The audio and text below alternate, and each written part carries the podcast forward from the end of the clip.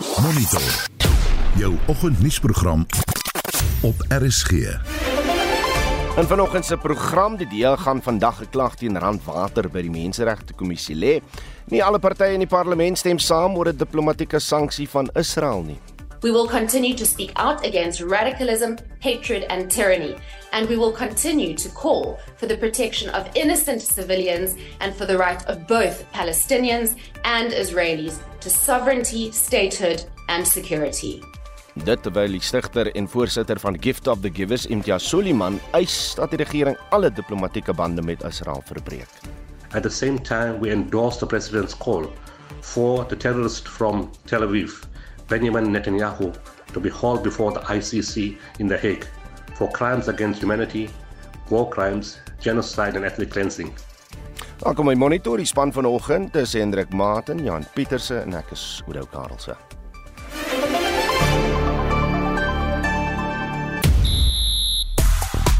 In jou sportnuus, ons kyk terug na die Proteas se treurmare gister by die Wêreldbeker in Indië. Die twee Gauteng-spanne in die Verenigde Rugby Kampioenskap is vanaand in aksie en Netbal Suid-Afrika is op soek na 'n nuwe hoofafrigter vir die nasionale vroue span. Die nasionale vergadering het die wet op die privaat gebruik van dagga Dinsdag aanvaar. Nou die ANC, DA, FVP, EFF en FP en die PAC het die wetsontwerp ondersteun. Die ACDP en die Vryheidsfront Plus het daarteen gestem. Die wet maak dit wettig vir volwassenes om hulle eie dagga te kweek en te gebruik. Nou wonder ons, hoe voel jy oor die partye se standpunt oor die wet en is dit uh, iets wat jou dalk vir 'n ander party sal laat stem? Laat weet stuur vir ons 'n SMS op die nommer 45889, dit kos jou R1.50 per boodskap.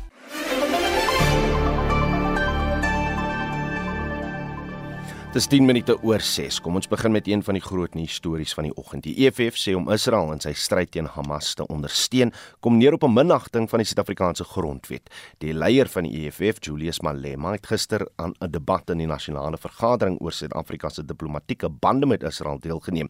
Die EFF wil hê die land moet Israel se ambassadeur uitskop. Malema eis ook dat die wêreld ekonomiese sanksies teen Israel instel. Celine Merrington doen verslag.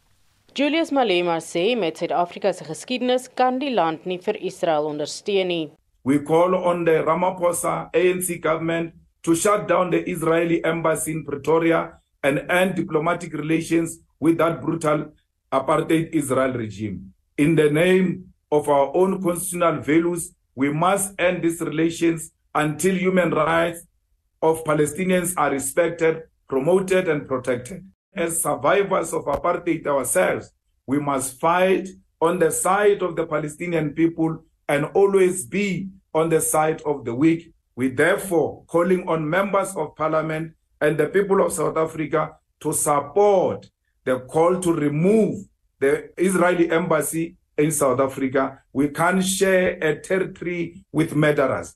Die was ondersteun deur die ATM-leier Vuyo Zungula, die NFP-LP Sheikh Imam en Al Jamaa leier Ghanif Hendricks.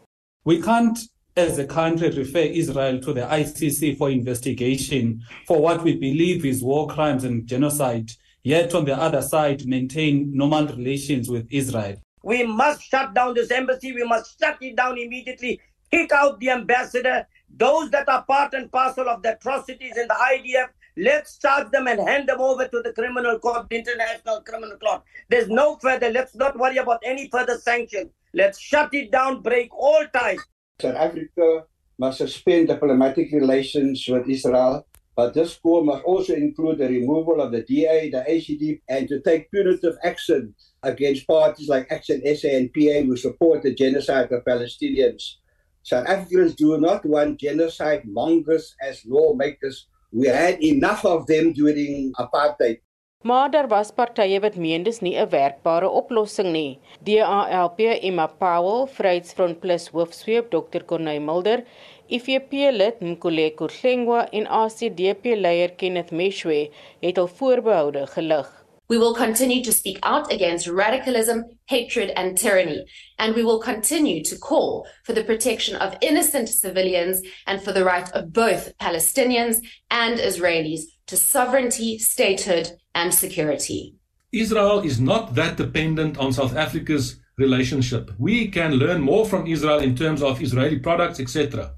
At the moment, lists are going around with Israeli products that should be boycotted and Israeli companies.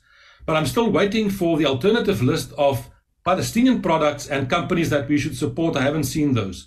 It would be a short sighted decision by the South African government. It's opportunistic from the EFF, and we'll see on Tuesday if the South African government does the right thing and continue with diplomatic attempts to solve this problem. Recalling ambassadors or removing ambassadors amounts to regressive diplomacy. It is counterproductive to the clarion call for peace and negotiation. How can South Africa possibly contribute to the Middle East peace process through mediation efforts if we have expelled one of the parties to the said negotiations from our shores? Without Israel, we risk diplomatic tensions that can hinder communication channels for addressing regional issues and ending business collaborations that would reduce economic opportunities, trade, investments, and job creation. Malema het bygevoeg dat argumente wat geopper word oor die ekonomiese gevolge van sanksies net daarop gemik is om vrees te versprei. Stop scaring us about economic opportunities that are going to be denied when we are removing the embassy of Israel. That is swart gevaar. It is what Afrikaner apartheid apologists survived with. They always created scaremongering and scare tactics for people not to support the genuine struggle. Die adjunkminister van internasionale betrekkinge, Candace Mashego Dlamini, sê die kwessie van die skorsing van die Israeliese ambassade word deur die regering oorweeg. Zelin Merrington, Parlement. Die stigter en voorsitter van die humanitêre organisasie Gift of the Givers, Dr. Imtiaz Suliman, sê ook die regering moet alle bande met Israel onmiddellik verbreek. Suliman het, ge het gereageer na die organisasie se hoof in Gaza, Ahmed Abbasi, 'n slagoffer van die oorlog tussen Israel en die militante groep Hamas geword het. Gift of the Givers announces what great sadness the loss of its head of office in Gaza, deliberately targeted by the IDF this morning whilst returning from morning prayer. Both he and his brother were killed. Ahmed Abbasi was our office head for 10 years, responsible for delivering aid to orphans, widows, the elderly, taking care of patients, providing water through our desalination plants, distributing food parcels, hot meals, and a range of other activities, helping patients in need and rebuilding homes of people destroyed.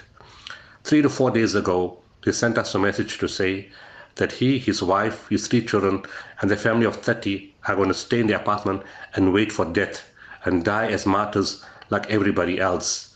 This, this continuous call by the IDF to move around in different places was not working. He could see the lies and deception. As people were moving, they were targeted and bombed.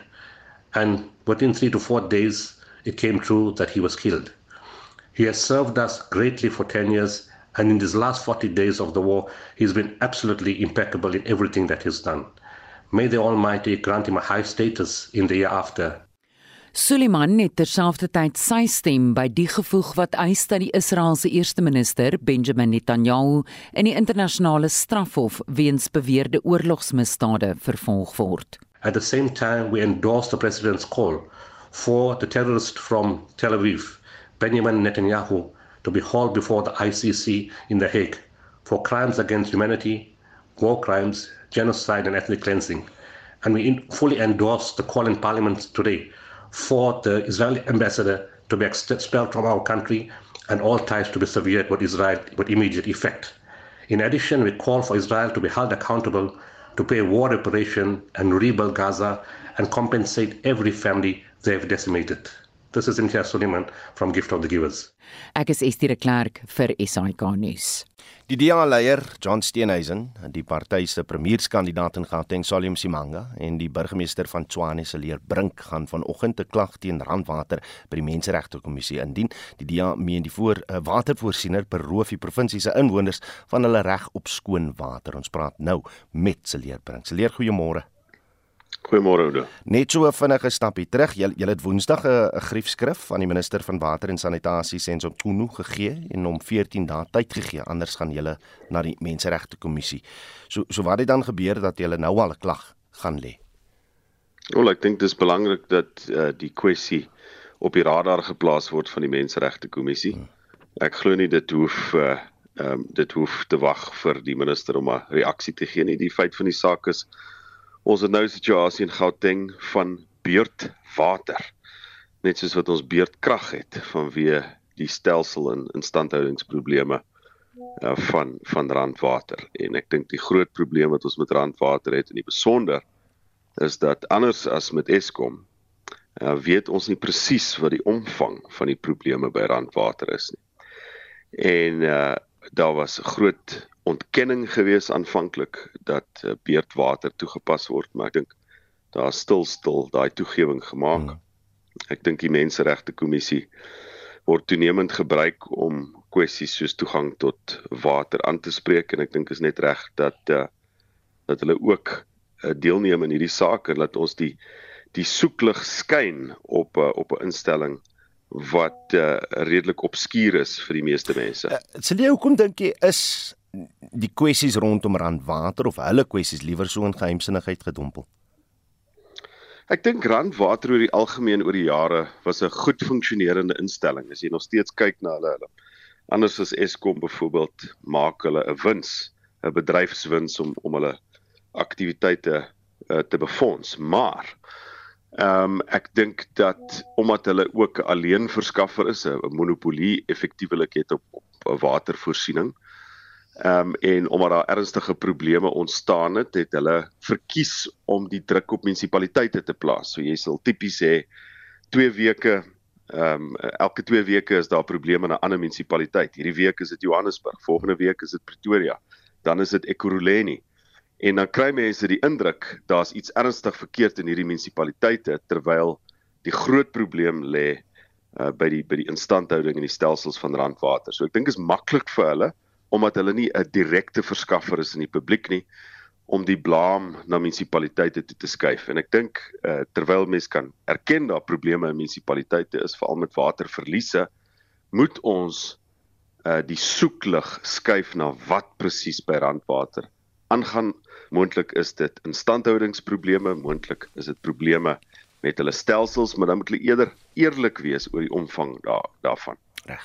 Kom ons kry net so 'n bietjie meer konteks. Ons bly by die storie. Ons praat nou met professor uh, Regard Meisner van die Departement Politieke Wetenskap aan die NISA. Sy navorsing fokus op waterpolitiek en regering en hy staan by Wageningen in Universiteit in Nederland, 'n besoekende professor.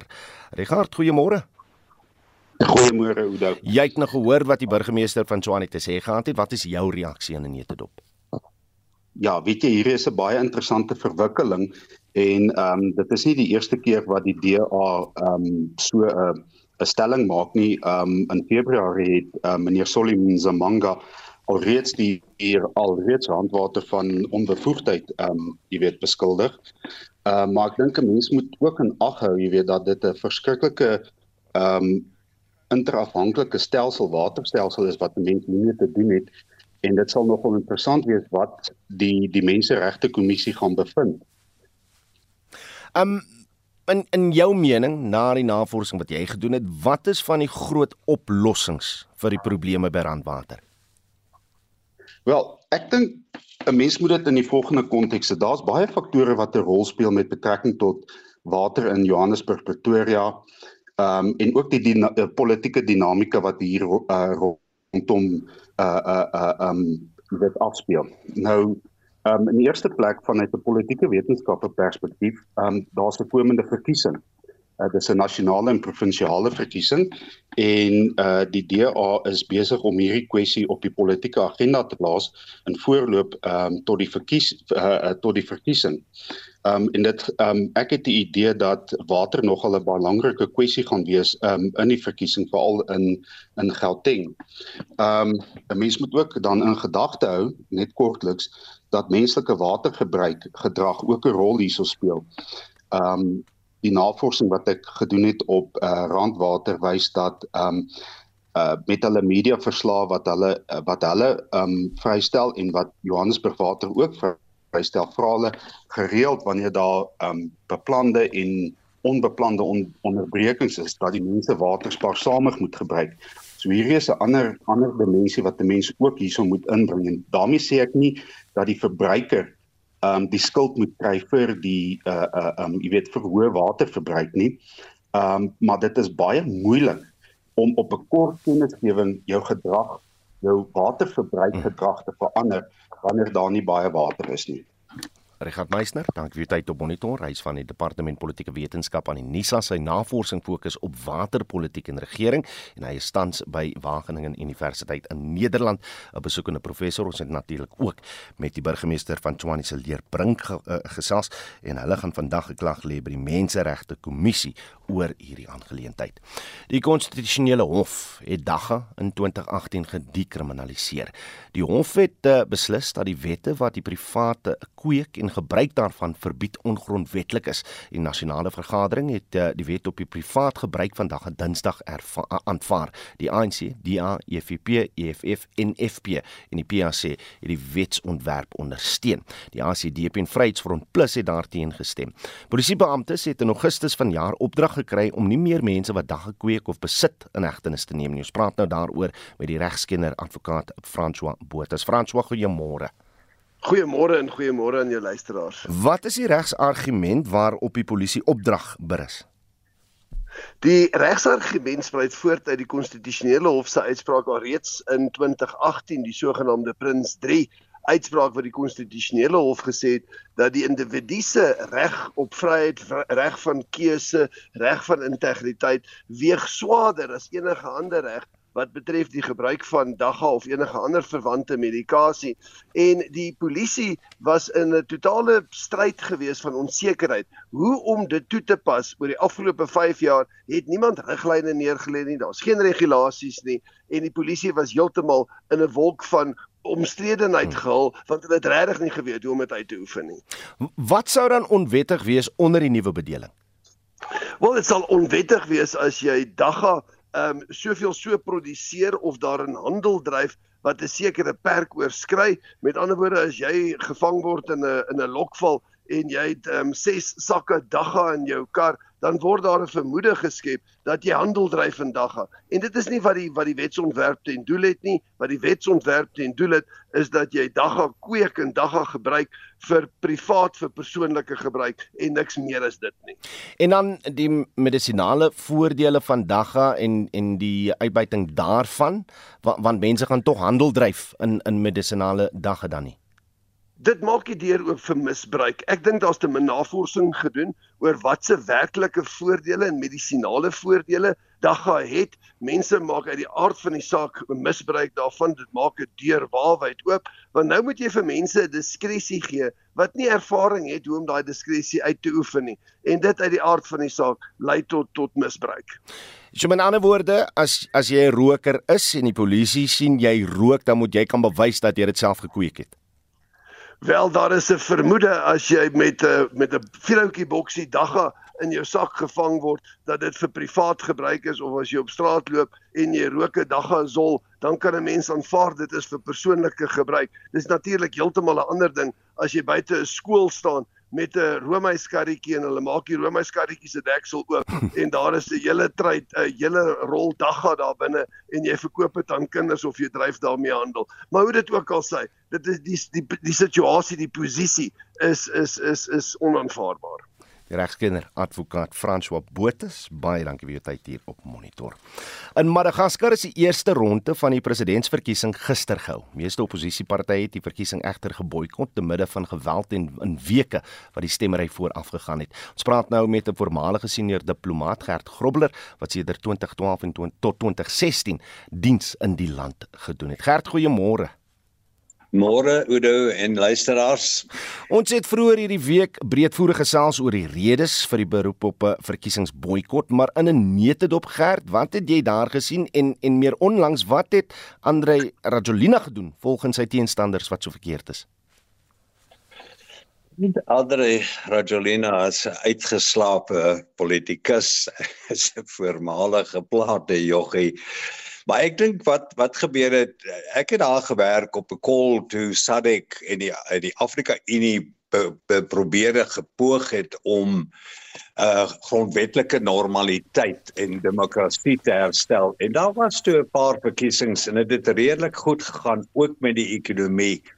Maar soos hierdie verkiesing nou nader gekom het, is daar faktore soos die toenemende politieke polarisasie wat in die land plaasgevind het. Daar's die afsydigheid van Rajolina. Daar is 'n gebrek aan politieke versoening en natuurlik daarmee die gepaard gaan dat daar's armoede en daar's korrupsie. En al hierdie goeders het bygedra tot tot 'n verhoogde politieke spanning in in in die land met die gevolg is dat met verkiesings eergister het net 2 van die 13 kandidate het deelgeneem aan hierdie ding. So dis 'n politieke onvergenoegdheid wat ingetree het in die land weet wat wat saamgegaan het met die armoede en so aan. So in dit dit in in die die die oppositiekandidaate het almal gevra julle met hierdie verkiesings boikot.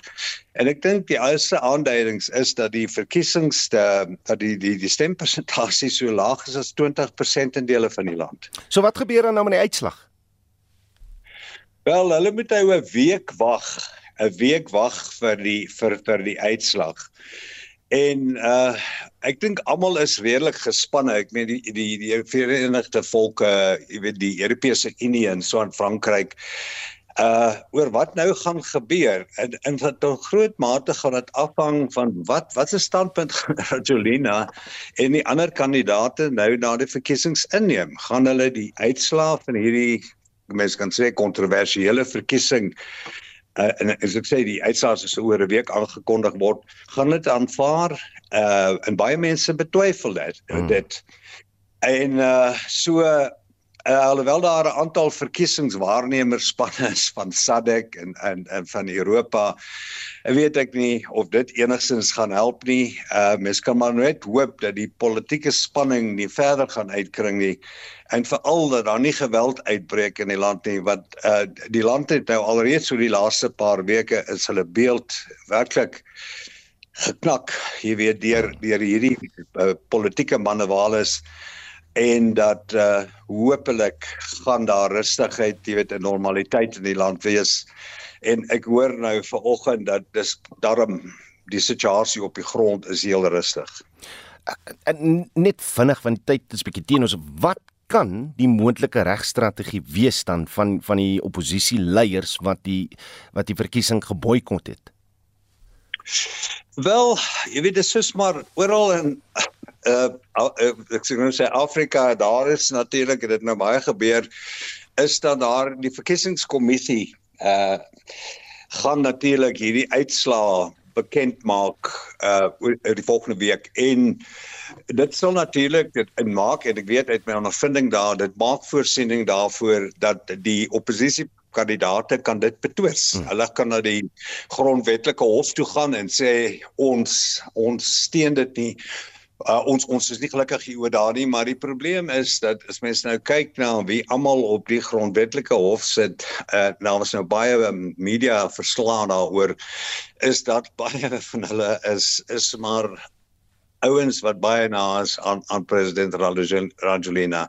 Maar ek hoop maar net ek het vier wonderlike jare daar deurgebring en ek hoop maar net dat dat dinge rustig gaan bly want die land kan werklik met die armoede wat hy tans ondervind en veral ook na Covid dat dat hulle kan nie nou verdere chaos en en warboel uh, uh, bekostig nie. Gert Grobler is 'n voormalige senior diplomaat en onder andere Suid-Afrika se ambassadeur in Spanje, Japan en Madagaskar. Jy luister na Monitor.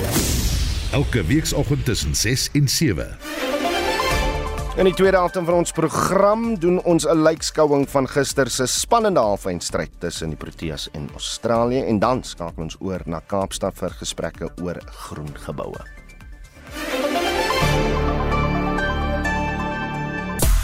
So as jy eie dag gaan kweek en rook, gaan die polisie niks doen nie, want dit is die wet. En ons vra vanoggend, hoe voel jy daaroor?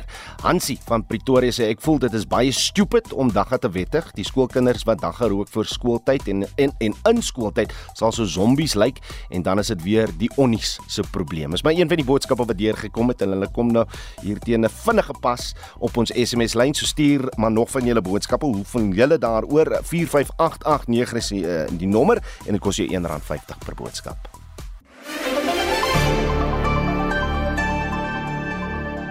Reg, ons later in die program bietjie terug met die lykskouing van die Proteas, maar vir nou eers is ons terug in die Kaap van die Raad van uh, Groen Geboue in Suid-Afrika hou vanjaar sy 16de jaarlikse konferensie in die moederstad. En uh, ons skakel nou oor na ons span daar aan meneer Eckhart, man, hy verseë wat die konferensie bywoon, maar die uh, span se Jakolisie, Susan Paxton. Goeiemôre. Ek wens ek kon hardloop soos hy. Glad nie goeiemôre Oudo. Welkom hier by ons uitsending. As jy wil sien wat aangaan, gaan volg my op Facebook uh, by Susan Paxton Spectrum. Daar's 'n Facebook live video aan die gang op die oomblik. Hallo. En dan uh, het jy ooit by die werk gesit en begin sleg voel, maar sodra jy uit die gebou loop, voel jy beter. Jy mag dalk 'n siek gebou sindroom ervaar en om ons meer hieroor te vertel, praat ons nou met Lynn Cuter en Kritika Laloo van Leap. Uh, goeiemôre julle. Môre. Daar sê. Goeiemôre en baie dankie vir die geleentheid. As ek kritika gee vir my lekker nou by aan daai mikrofoon skuif dit's baie dis jou maatjie vanoggend. Goed, Lin, eerstens vertel ek eers vir ons wat is siek gebou sindroom?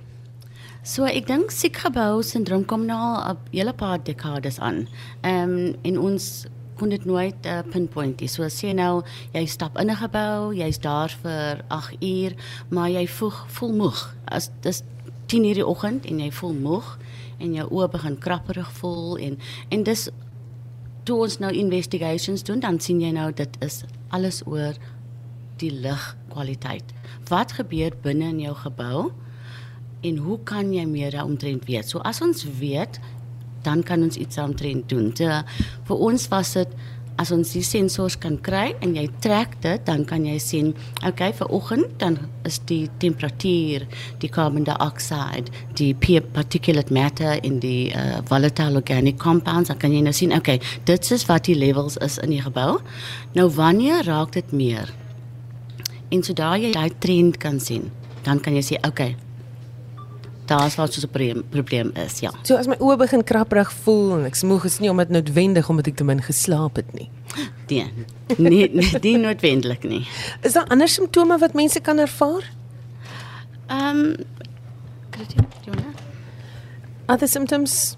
Uh, so uh, people obviously uh, it affects their performance in a workplace and where we track and monitor the data of our sensors we can basically pinpoint to the oxygen levels that are um, actually a requirement in the spaces as per SANS 10 400 part O, that's the ventilation um, of edition 3 2011.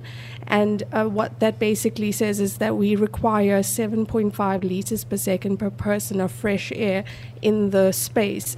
But what we're actually pulling from the out air, out air is not necessarily fresh air. It is obviously with pollutants, and that's where LEAP comes into tracking and monitoring, and then providing the effective solution to rectify the space of clean air within the buildings. Hmm. Um kan dit 'n langtermyn gevolg hê op 'n mens se gesondheid as jy konstant aan 'n siek gebou sindroom blootgestel word? So ek dink nie daar is um baie evidence daaroor nie. Okay, maar dit is dit het 'n negative effek op jou as um as jy siek raak, want dink dan net as jy die konstante siek um lig in asem dan voel jy jy voel nie jouself jou, jou, jou regte self nie so wat jy gaan doen is jy wil nou bietjie buitekant gaan stap en ons ons sê altyd dit is een van die beste dinge gaan en vat 'n breek en dis hoekom as jy kyk na regulations dan dit sê dit this is what you must have for your air and this is what you must have um carbon dioxide level en also jou jou temperatuur. So as jy kyk in in somer dan moet jou temperatuur so tussen 21 en 22 wees. Hmm. Maar as jy in somer in 'n gebou werk waar dit konstant 28 is, jy voel lekker afgemat. Dit lyk jy kan nie um enige werk bykom nie. So ek dink nie daar is noodwendige langtermyn problems hê, maar wat ons nou uitgevind het as jy kyk na die TVOCs of jy kyk na die particulate matter ons het nou gekyk dat ehm um, nou virusse is ook particulate matter, baie klein particulate matter. So as jy nou dit inasem die hele tyd, dan is daar particulate matter wat tot binne in jou bronchioli kan gaan. So dan sit dit daar dit is nou nogal iets wat vir jou kan siek maak. So dan kom almal daarin van bronchitis en pneumonia en sulke tipe siektes. Dit sê vir my, wat is die tipiese wanpersepsies wanneer ons praat van skoon lug binne 'n gebou? Okay, so die die wanpersepsies is as jy by 'n gebou instap en dit is lekker ijskoud. Dan sê jy vir jouself, "Hm, die gebou se lug is baie goed." Maar dis miskien net omdat hulle HVAC baie goed werk. Die lug wat hulle, wat dit nog altyd deur die gebou stuur, mag nie daai kwaliteit lig wees nie.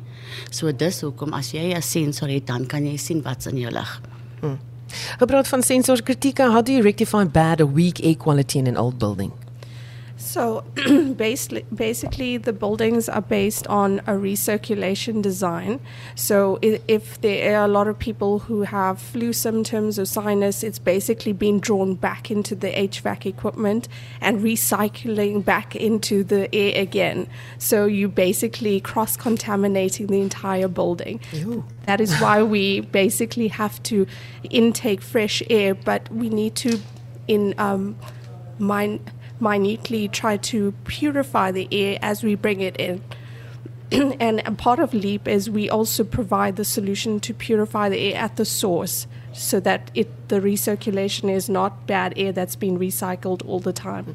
So, um, how do you monitor it? Um, I saw an interesting computer yesterday flashing Yes. red and green and So we basically provide sensors that are cloud based. Uh, it doesn't require any wires. Um, it's just a plug and play installation at head heights according to the building's uh, design, and we basically uh, store all this data on a cloud based platform that we design according to each building and what they want to track and monitor.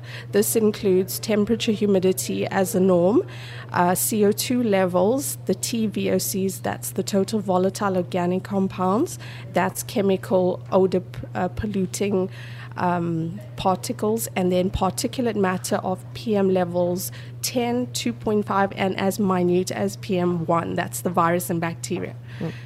Tell me, uh, why is it important that building owners um, or employers invest in good, clean air? It's basically to um, sort of reduce your absenteeism rates of the employees in the buildings as they are not cross contaminating each other with flu, bacteria, viruses, and um, they perform optimally. So basically, it uh, directly results in the company's performance being uh, improving uh, as the absenteeism rate is reducing. Lynn, so laaste woordjie daaroor?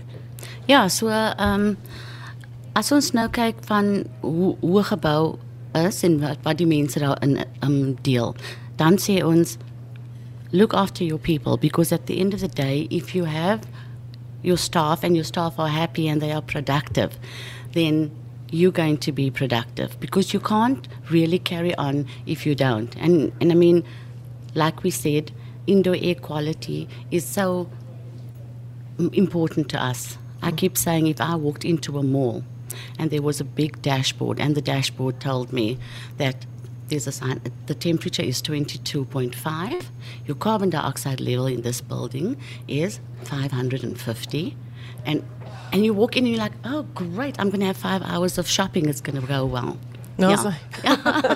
kan my help om beter te kan uh, goedjies koop. Baie dankie dat julle was so vroeg.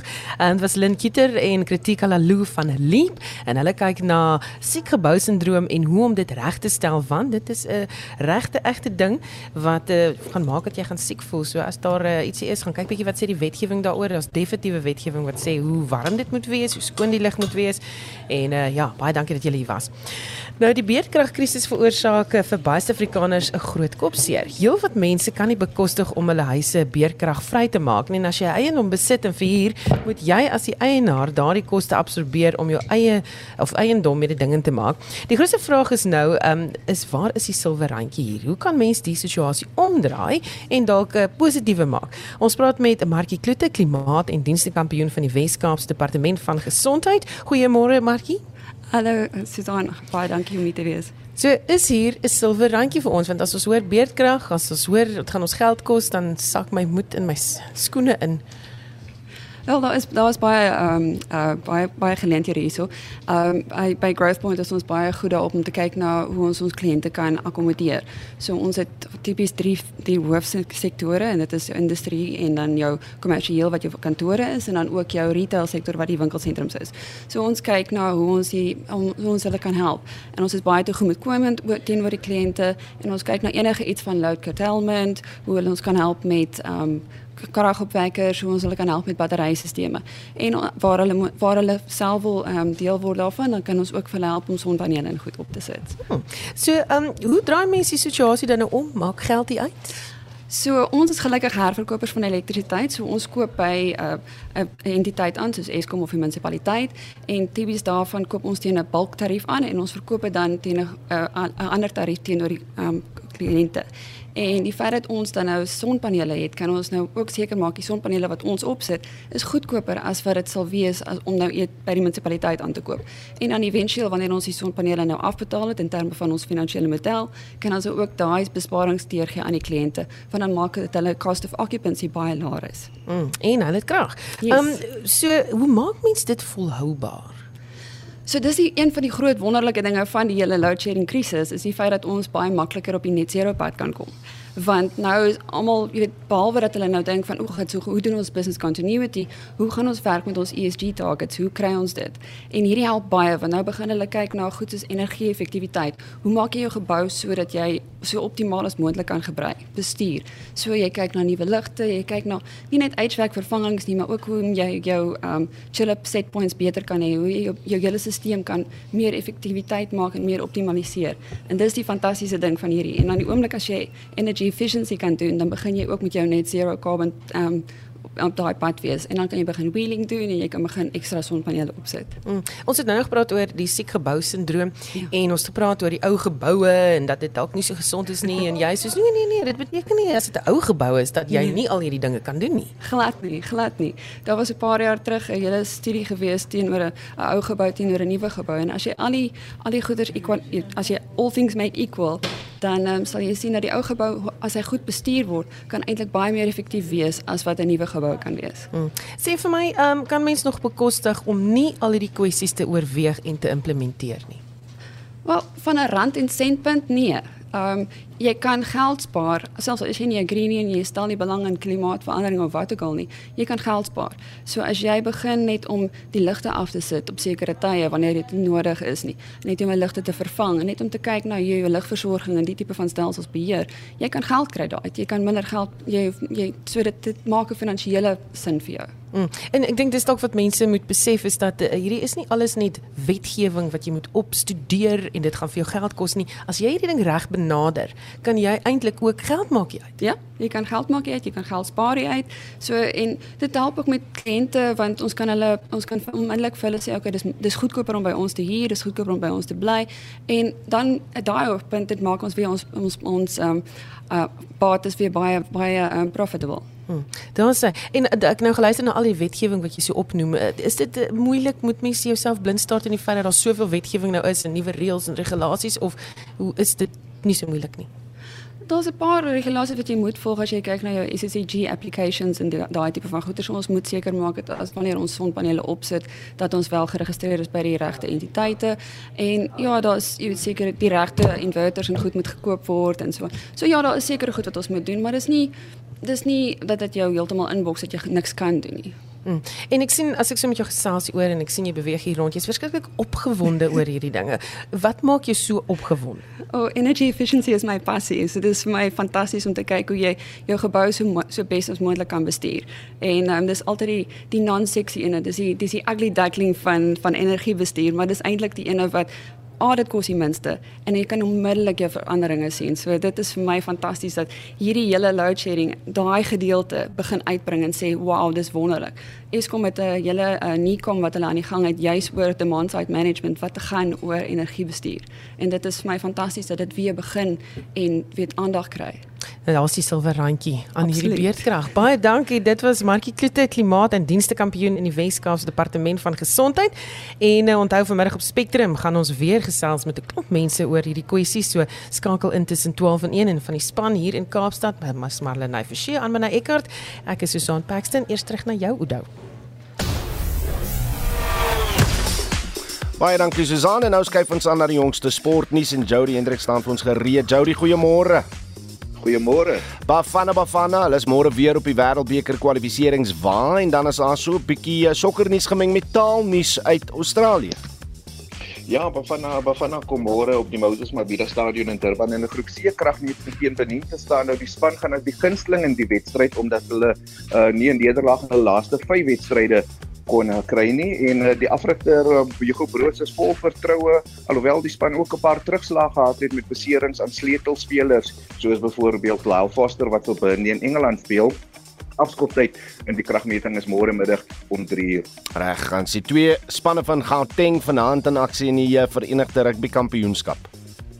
Ja, die Bulls kom teen Edinburgh te staan, maar Selkotse gaan die span van Pretoria op flank aanvoer. Embrus Papier en Johan Goosen, die twee Springbokke, gaan as die skakelpaar diens doen.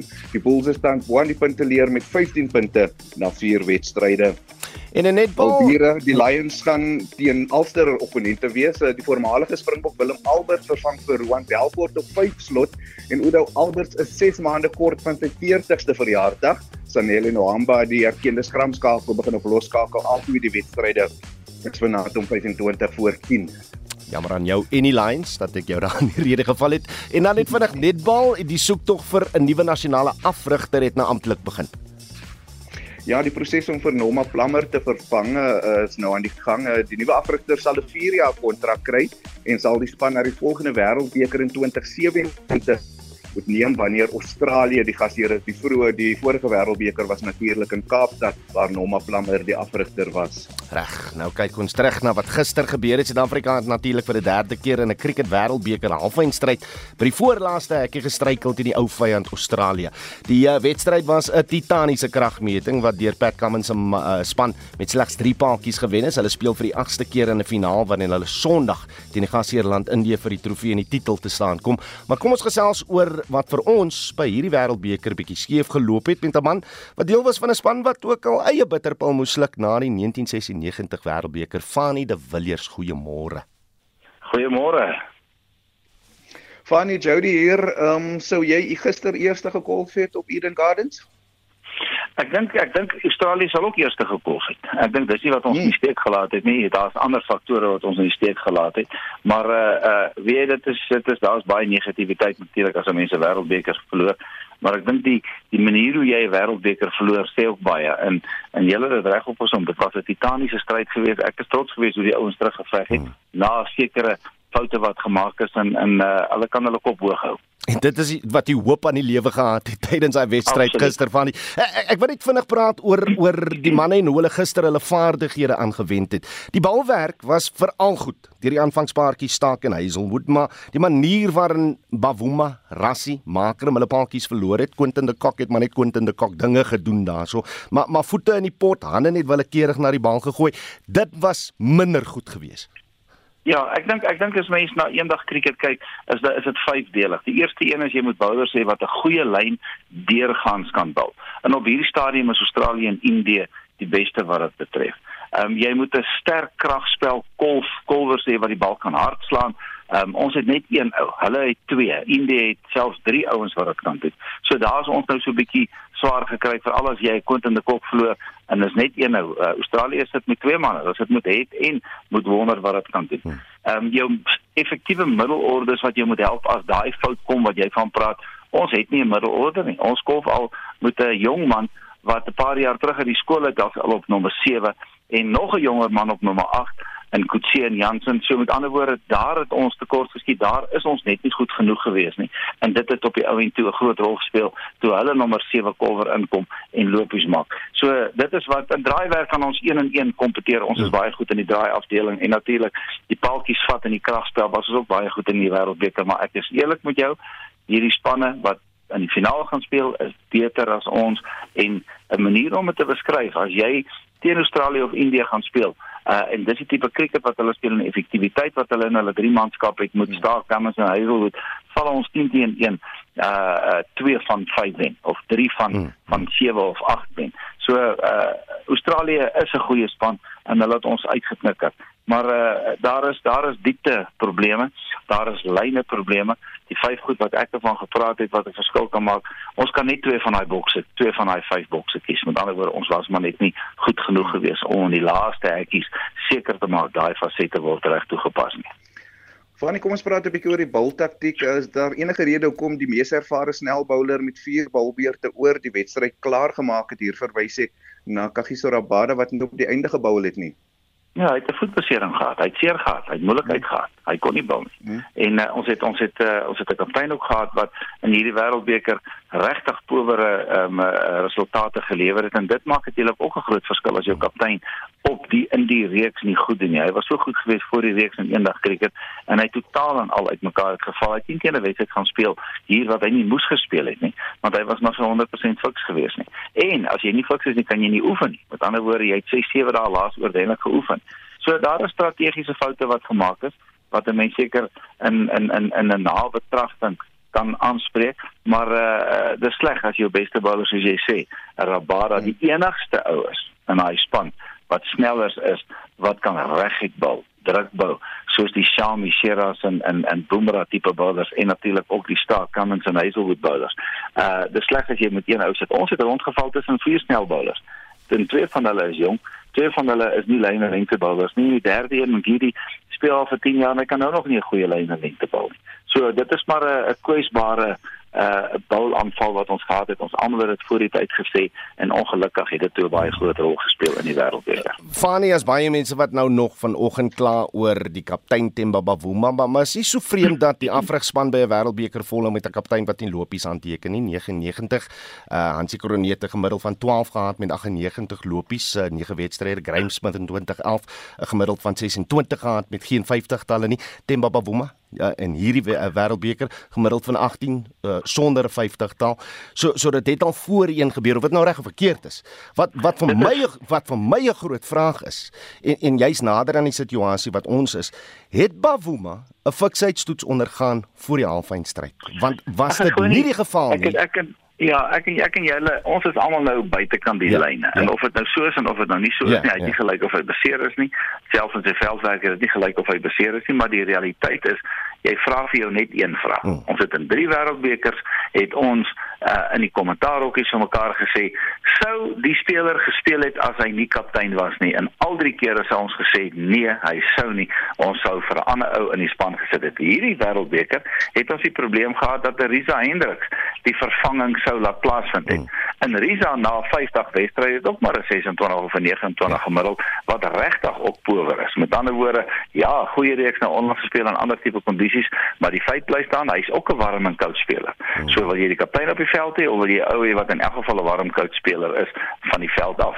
So dit is maar 'n moeilike situasie. Hmm. Ja, die meeste gevalle sal jy in so 'n geval sê nee die kaptein moenie speel nie. Ehm um, as hy nie kaptein was, hy sou hy gedrop gewees het. Dis nie waar ons die wêreldbeker verloor het nie. Dis relatief. Ons het die wêreldbeker verloor want ons middelorde begin al op nommer 7 met 'n bowler en uh in in ons lyne wat ons bowlers bal was nie onberusblik geweest soos die twee spanne wat in die finaal speel nie. So die twee spanne wat in die finaal speel is die beste. Van die Villiers, baie dankie vir jou tyd. Jody Hendriks uh, van RSG Sport, baie dankie vir jou tyd.